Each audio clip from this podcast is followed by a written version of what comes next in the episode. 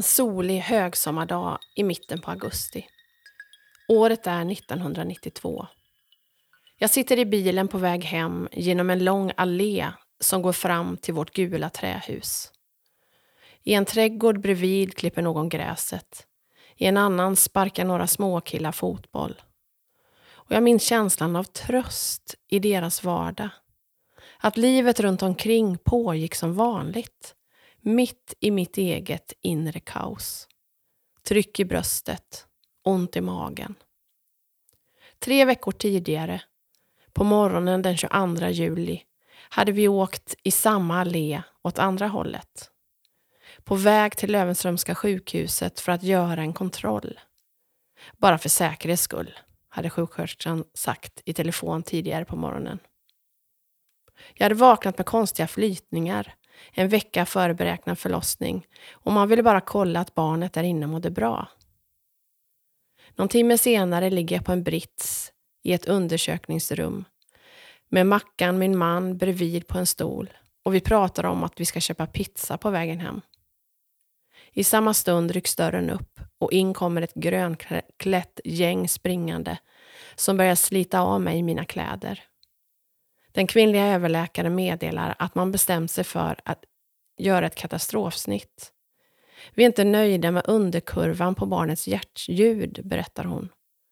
Och vi vill inte ta någon risk. Sju minuter senare får Mackan det ljuvligaste lilla knyt i sin famn.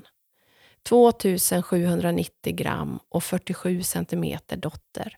Vår förstfödda. Ellen.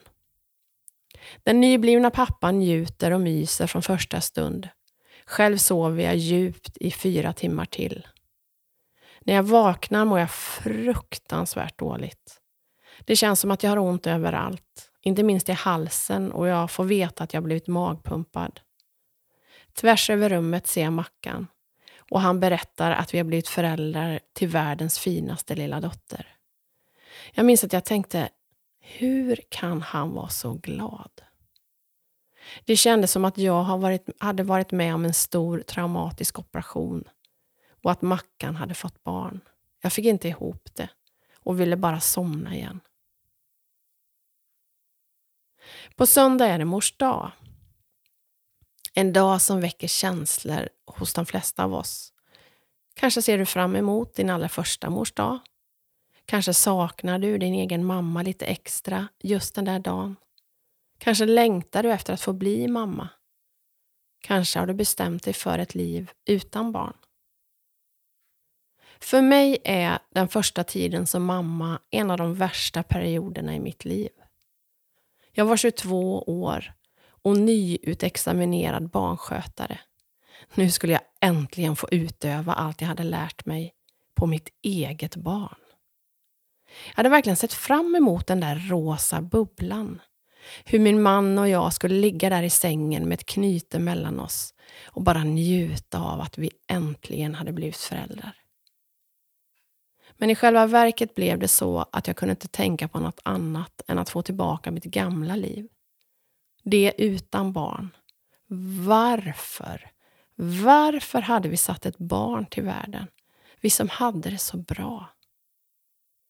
Det blev några riktigt hemska veckor, eller kanske till och med månader, jag minns inte hur lång tid det var som gick. När jag mådde psykiskt väldigt, väldigt dåligt. I de sämsta stunderna önskade jag bara att jag skulle hitta min bebis död i vagnen. Jag ville inte vara mamma. Jag klarar det inte. Hemska tankar nu i efterhand. Och nu kan jag också förstå att jag måste ha fått någon typ av amningspsykos. Jag vet att jag i efterhand fått frågan om jag inte skämdes för de där destruktiva tankarna. Men faktum är att jag gjorde inte det då. De var så verkliga och så starka. Jag ville bara få ett slut på allt. Det här är min berättelse och du som lyssnar har din. Jag vill också bjuda på delar av ett samtal som jag hade i ämnet för ett par år sedan tillsammans med just vår förstfödda Ellen och min mamma Maria. Hur var din förlossning Ellen? Min förlossning var lång. Ja. det är så man kan sammanfatta den. Den var lång, den kändes som en evighet och det var den ju på ett sätt. Det var tre, nästan tre dygn. ja. Oj. Och det är ju ditt första barn. Det är mitt första barn, precis. Ehm, nej men så det... När jag minns tillbaka så, eh, fram till att han kommer ut så var det ju ändå... Det kändes inte så långt då.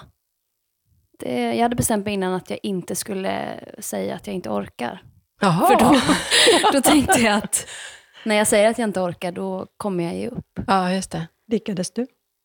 Till slut så sa jag att nu orkar jag inte mer och då förstod de att det var allvar. Ja, Så då kom det ett team in och så blev det sugklocka till slut. ja just det. Mm. Och då hade vi ju väntat här hemma i två dygn i, i princip och bara, vad händer? Ja. Och Mattias vill inte oroa någon. Nej. Så typiskt. Och det lyckades han ju med. Ja. Och lilla Alessio gjorde ju mig till mormor. Ja, och mig till Gammo. Gammo, Ja. gammel Ja, vi pratade ju länge vad vi skulle kalla dig. Ja, precis. Och då var det han själv. Var det han själv? Ja, han själv. ja.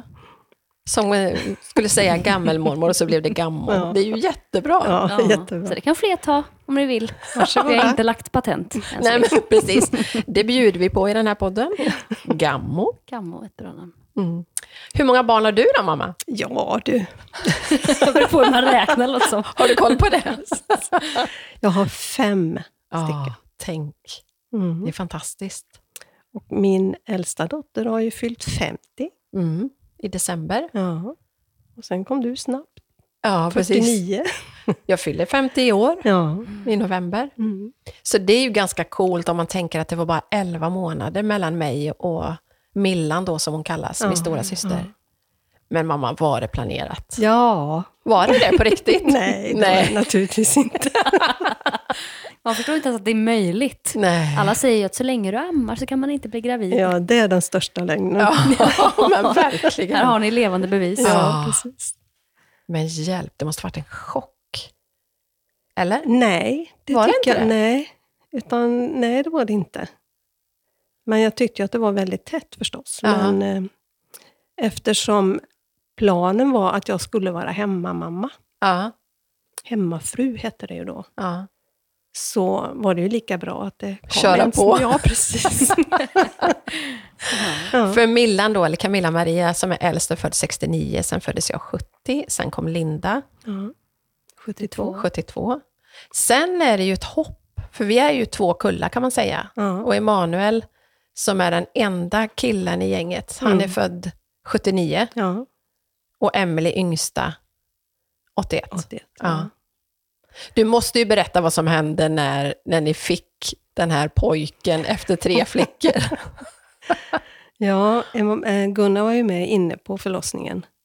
Och eh, han sa ju till sköterskorna då innan Emanuel, som vi då inte visste att det var, att när jag ser vad det är... Han kommer att titta där nere, hade han väl precis, sagt. Ja, Ja. precis. Och jag fick, behövde ju inte bara eh, ligga i ovisshet när det var dags. För så fort han såg så skrek han bara ”En kille!” Lyckan var total. Lyckan var total efter tre tjejer. Och då, till saken hör ju att sen gick han och hans bästa kompis Ragge och firade på Operakällaren minsann. Det gjorde han inte när vi tre andra Nej. föddes.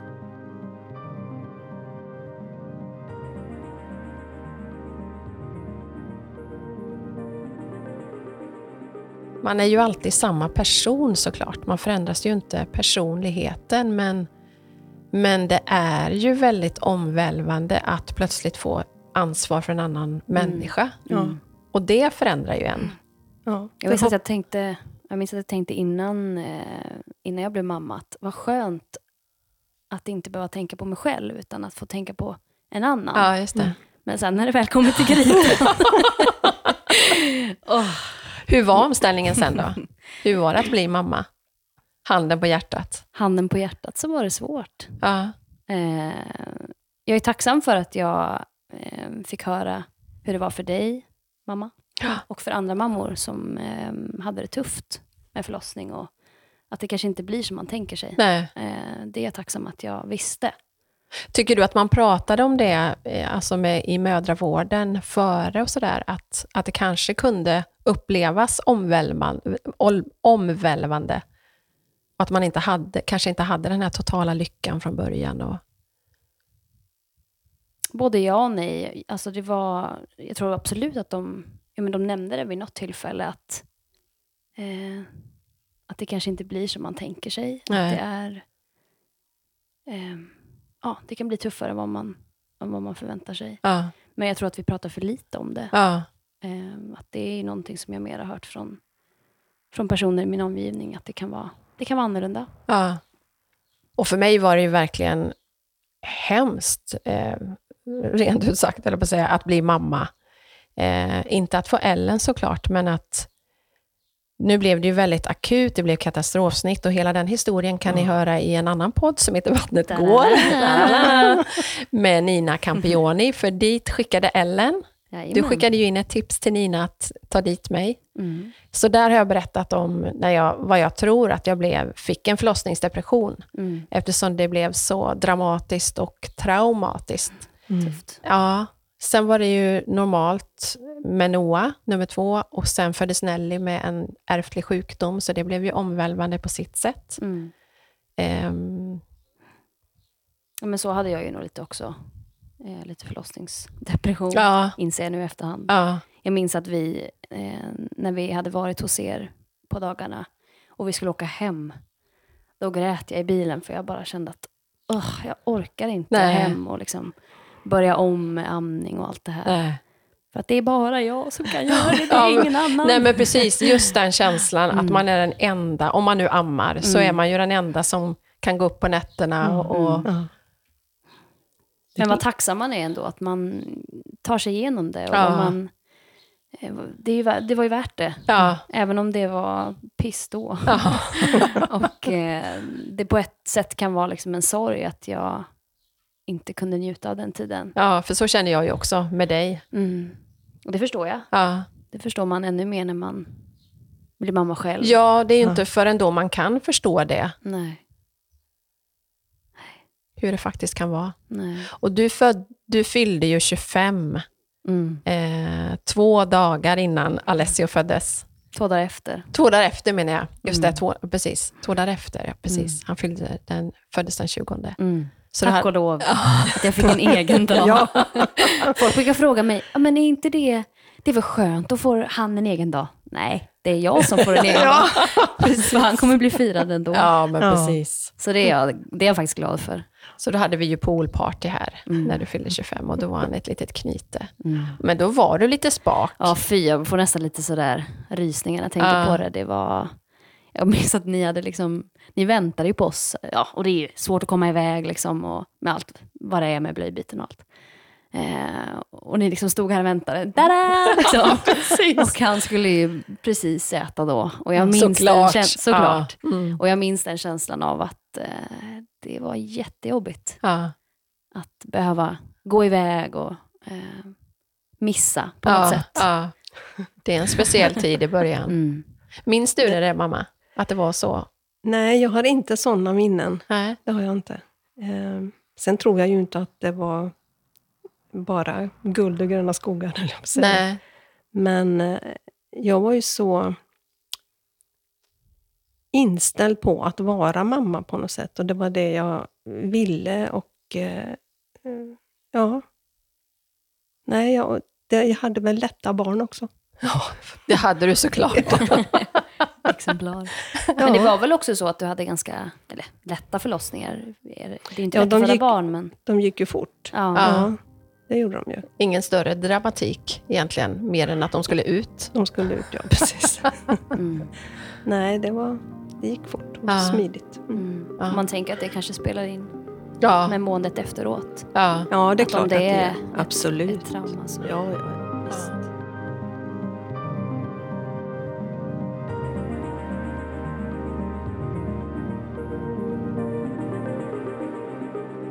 Man får ha varandra, det tänker jag är så otroligt eh, fint att få ha varandra så här över generationerna som vi har. Ja. För jag minns ju att jag ringde till mormor Ingrid, till din mamma då, Ja. mamma Maria.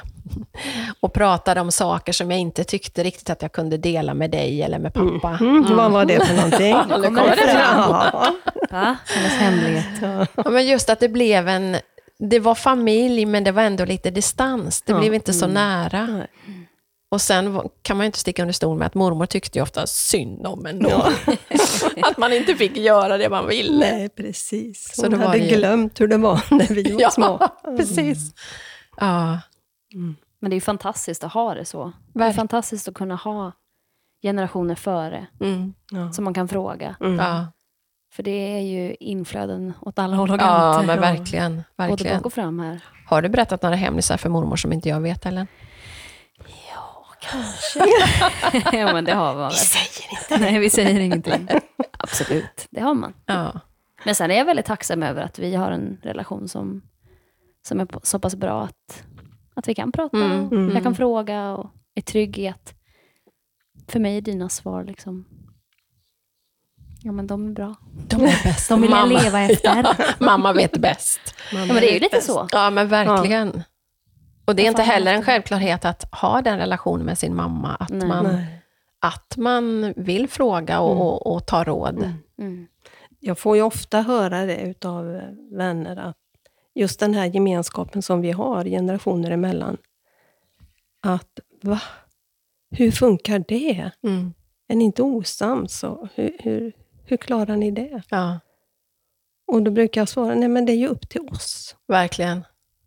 Att skapa en miljö, att Ja. inte hänga upp sig på småsaker. Nej, Utan se det som är gott. verkligen. Mm. Vad är det roligaste med att vara mamma? Stor fråga. Att bli mormor och gammelmormor. Ja, precis. ja, du har ju till och med blivit gammelmormor, mamma. Gammo, som Alessio säger. Ja. Det kom han på så bra. Ja. Det kan ni ta efter om Ja, ni vill. Precis, det kan Vi har vi... inte lagt patent på det. Ja, men jag tyckte hela tiden att det var roligt. Sen är det ju alltid jobb med barn förstås, men Ja. eh, att jag hade möjlighet att få vara hemma, hemmamamma i Mm. alla år, Mm. Mm. det är jag ju jättetacksam och glad för.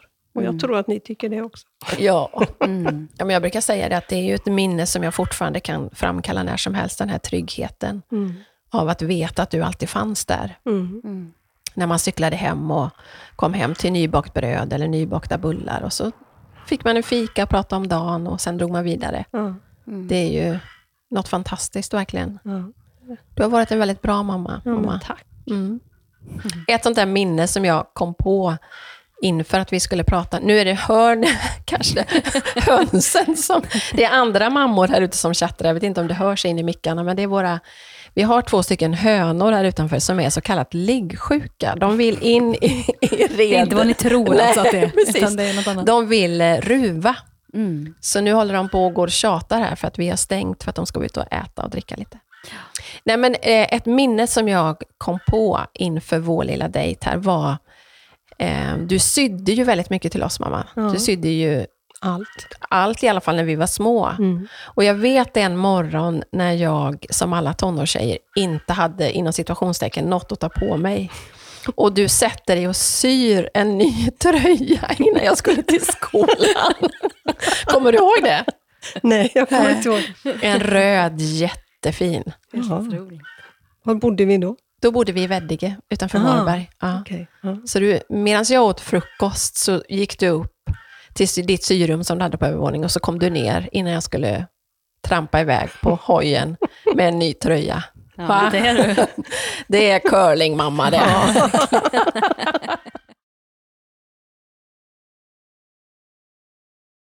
Vad tror ni är den största utmaningen att vara mamma idag mot att vara, bli mamma som du blev då mamma i slutet på 60-70-talet? Ja, det är ju en enorm skillnad. Jag skulle inte vilja bli mamma idag. För det här enorma utbudet som finns Ja. av allt. Ja, Mm. Nej, Nej, jag tänkte säga sociala medier. ja, ja precis. just det. Det är ju fantastiskt att det finns, men det är också skapar väldigt mycket dåligt. Ja. Ja. Ehm, mycket press och mycket... Att man... man inte duger. Nej. Och det finns hundra råd Mm. Ja. om att göra saker. Och jag tror att väldigt få, eller kan bara gå till mig själv, att det är lätt att inte lyssna på sig själv och, och göra det som man själv känner är Mm. rätt. Utan Ja. man, man lyssnar på alla andra och man tar in vad alla andra säger för att det spelar nästan mer roll vad andra tycker än vad jag själv vill. Ja. Och det måste ju ha skapats från någonting och det tror jag bland annat sociala medier har Ja, gjort, ja. tyvärr. Ja. Sen tänker jag just det här som är väldigt stor skillnad från bara när ni växte upp, för då fanns ju inte mobilen och Mm. sociala medier alls. Att vi gjorde ju saker och var där och då i stunden. Idag Mm. upplever jag att, att föräldrar många gånger gör saker för kameran. Man är inte Ja, där och nej, upplever precis. sakerna Mm. med barnen, utan man, det viktigaste är att man visar för omvärlden hur lyckad man är, eller hur mysigt man har. Men man missar ju stunden där och då. Ja, Mm. Och det är ju en enorm skillnad. ja, det är det. Mm. Verkligen. Det måste ju vara så då att, att ehm, föräldrar idag och ja, men människor i allmänhet känner mycket större prestations... Mm. Liksom, Ja, ångest. Ångest, eller, ja. ja men och också att man har sin identitet i så mycket liksom, världsliga grejer. Det känner jag med mig själv. Mm. Det är så lätt att hamna i att, att min son måste liksom ha alla de här märkeskläderna för att annars så, så är det ingenting. Nej, Och det är ju hemskt. ja men verkligen. Men samtidigt så finns det ju saker som skapar det. Som inte fanns på din tid. Ja. ja, precis. Tack och lov Ja. att det inte fanns något.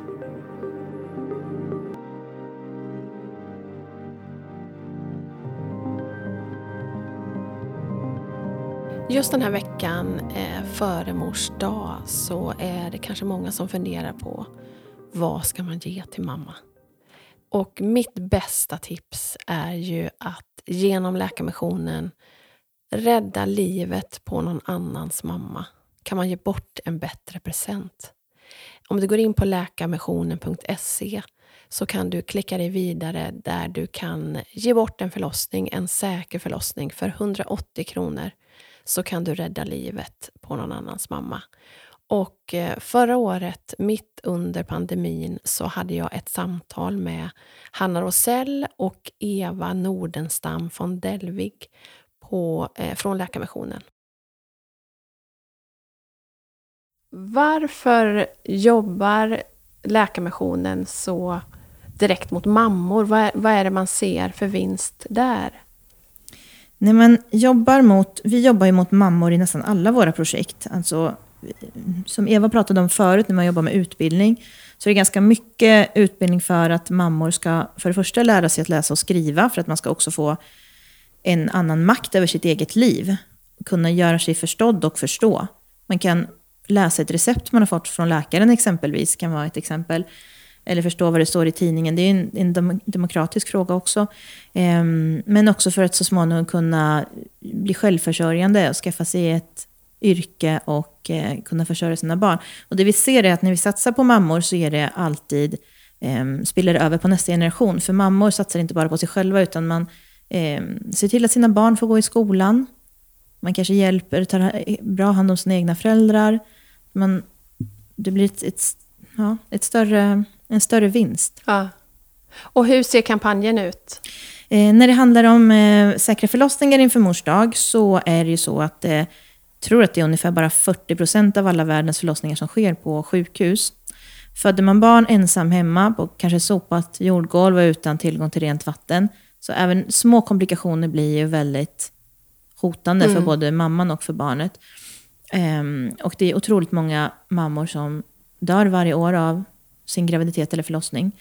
Så för bara 180 kronor så kan vi garantera att en kvinna får en plats på Panzisjukhuset och, och får en bra förlossning. Ibland behövs det kejsarsnitt och då kanske förlossningen kostar 2000 kronor och det har, vi- har vi höjd för från Läkarmissionens sida. Men köper man en, en förlossningsplats så är det en okomplicerad förlossning så kostar den ungefär 180 kronor. Och då kan man gå in på läkarmissionen.se och så Ja. kan man ge bort en förlossning till sin mamma eller... Men precis, för nu när vi inte träffar våra mammor kanske i samma utsträckning så ehm, är det en jättefin present som man kan köpa. Man kan ändra, är man ute i god tid så kan man få det skickat ett fint gåvokort. Men annars så får man ett gåvokort som man kan ladda ner och, och skriva ut eller smsa till sin mamma. Jag tänker eh, som en sista fråga till dig mamma. Om du tänker tillbaka, vad skulle du ha velat säga till dig själv som ung mamma? Ta det inte så allvarligt. Släpp taget lite grann. Gjorde du inte det? Nej, jag tycker nog att jag var... Man skulle ju vara den där perfekta mamman. Sen eh, var jag nog inte den värsta heller.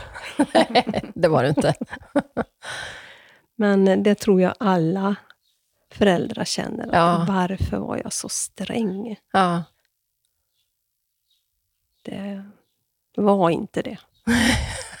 Var lite snällare Ja, mamma. precis. Ja. Ja. Mot dig själv eller mot barnen? Eh, både och. Mm. Man var ju alldeles för sträng, bestämd emot barnen som man inte hade behövt vara. Det kommer jag ihåg att pappa sa någon gång när, när ni var små, Ellen, så sa han till mig, säg ja så ofta Ja. du kan, för det är så många gånger man måste säga nej. Mm. Så, ja, det, och det har, det har verkligen hjälpt mig. Mm. Måste jag säga nej nu? Nej, det behöver jag inte. Jag kan säga ja. Mm. Och det svåra är ju då att hinna med och ta ett djupt andetag och tänka ja, den precis. tanken ja, innan man... Verkligen. Mm. Men det blir ändå ett sätt att förhålla sig. När man, när man har gjort det några gånger så, så dyker det upp Ja. på ett naturligt sätt, tror jag. Mm. Mm. Om man tänker, Ellen, om- om det är någon som sitter och lyssnar nu som kanske väntar sitt första barn, Mm. som inte har blivit mamma än. Mm. Vad skulle du skicka med? Nej, men eh, det blir ju inte alltid som man tänker sig. Nej. Jag är ledsen att säga det, men det blir inte det. Eh, men det som är bra är att det finns hjälp att få. Mm. Eh, och jag tror att hade jag varit mer ärlig när jag fick faktiskt frågan från BVC i början på de här rutinkollerna eh, om hur mår du och hur har Mm. du det. Mm. Hade jag vågat vara mer ärlig och faktiskt sagt att det är jobbigt, Ja. då tror jag att det finns mycket hjälp att få. ja, men Mm. verkligen. Ehm, och jag tror att det är bra att bara ha det i tanken att det kanske inte blir som jag tänker mig, men med Kan bli bra så ändå. blir det bra ändå. Ja, precis. Mm.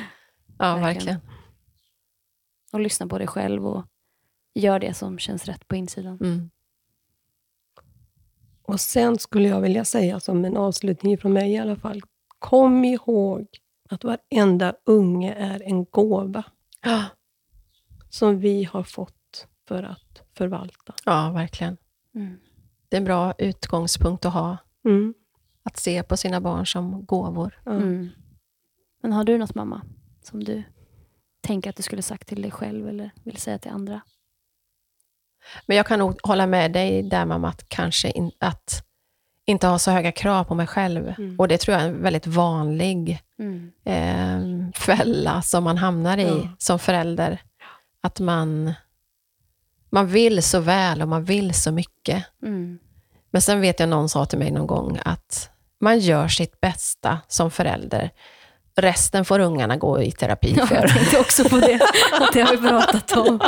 Ja, men det är ju väldigt befriande att tänka Ja, så. verkligen. Därför att... Eh, Man gör inte allt rätt. Nej. det gör Nej. ingen förälder. Nej. och då finns det hjälp att få. Ja. Även för barnen. Ja, men verkligen. Ja, verkligen. Det är skönt. Ja, men det, det var väl en bra avslutning. Det tycker jag var en Tack toppen. så väldigt mycket för den här lilla stunden. Ja, Tack. tack för Nu går vi ut i solen och njuter. Bland hönorna. Mm. Hej då! Hej då. Det här avsnittet vill jag tillägna alla moders hjärtan där ute. Alla vi som är en trygg, varm famn för den som behöver. Det spelar ingen roll om vi har burit och fött våra barn eller blivit mammor på något annat sätt. Kanske längtar du efter att bli mamma. Kanske saknar du din egen mamma lite extra just idag. Oavsett så kom ihåg att du är fantastisk och underbar. Idag och alla andra dagar. Jag vill också sluta med att påminna om att swisha till 90 00 217. För 180 kronor kan vi tillsammans med Läkarmissionen vara med och rädda livet på någon annans mamma. Du kan vara med och ge en annan kvinna möjlighet att bli mamma. Tack för att du har lyssnat idag.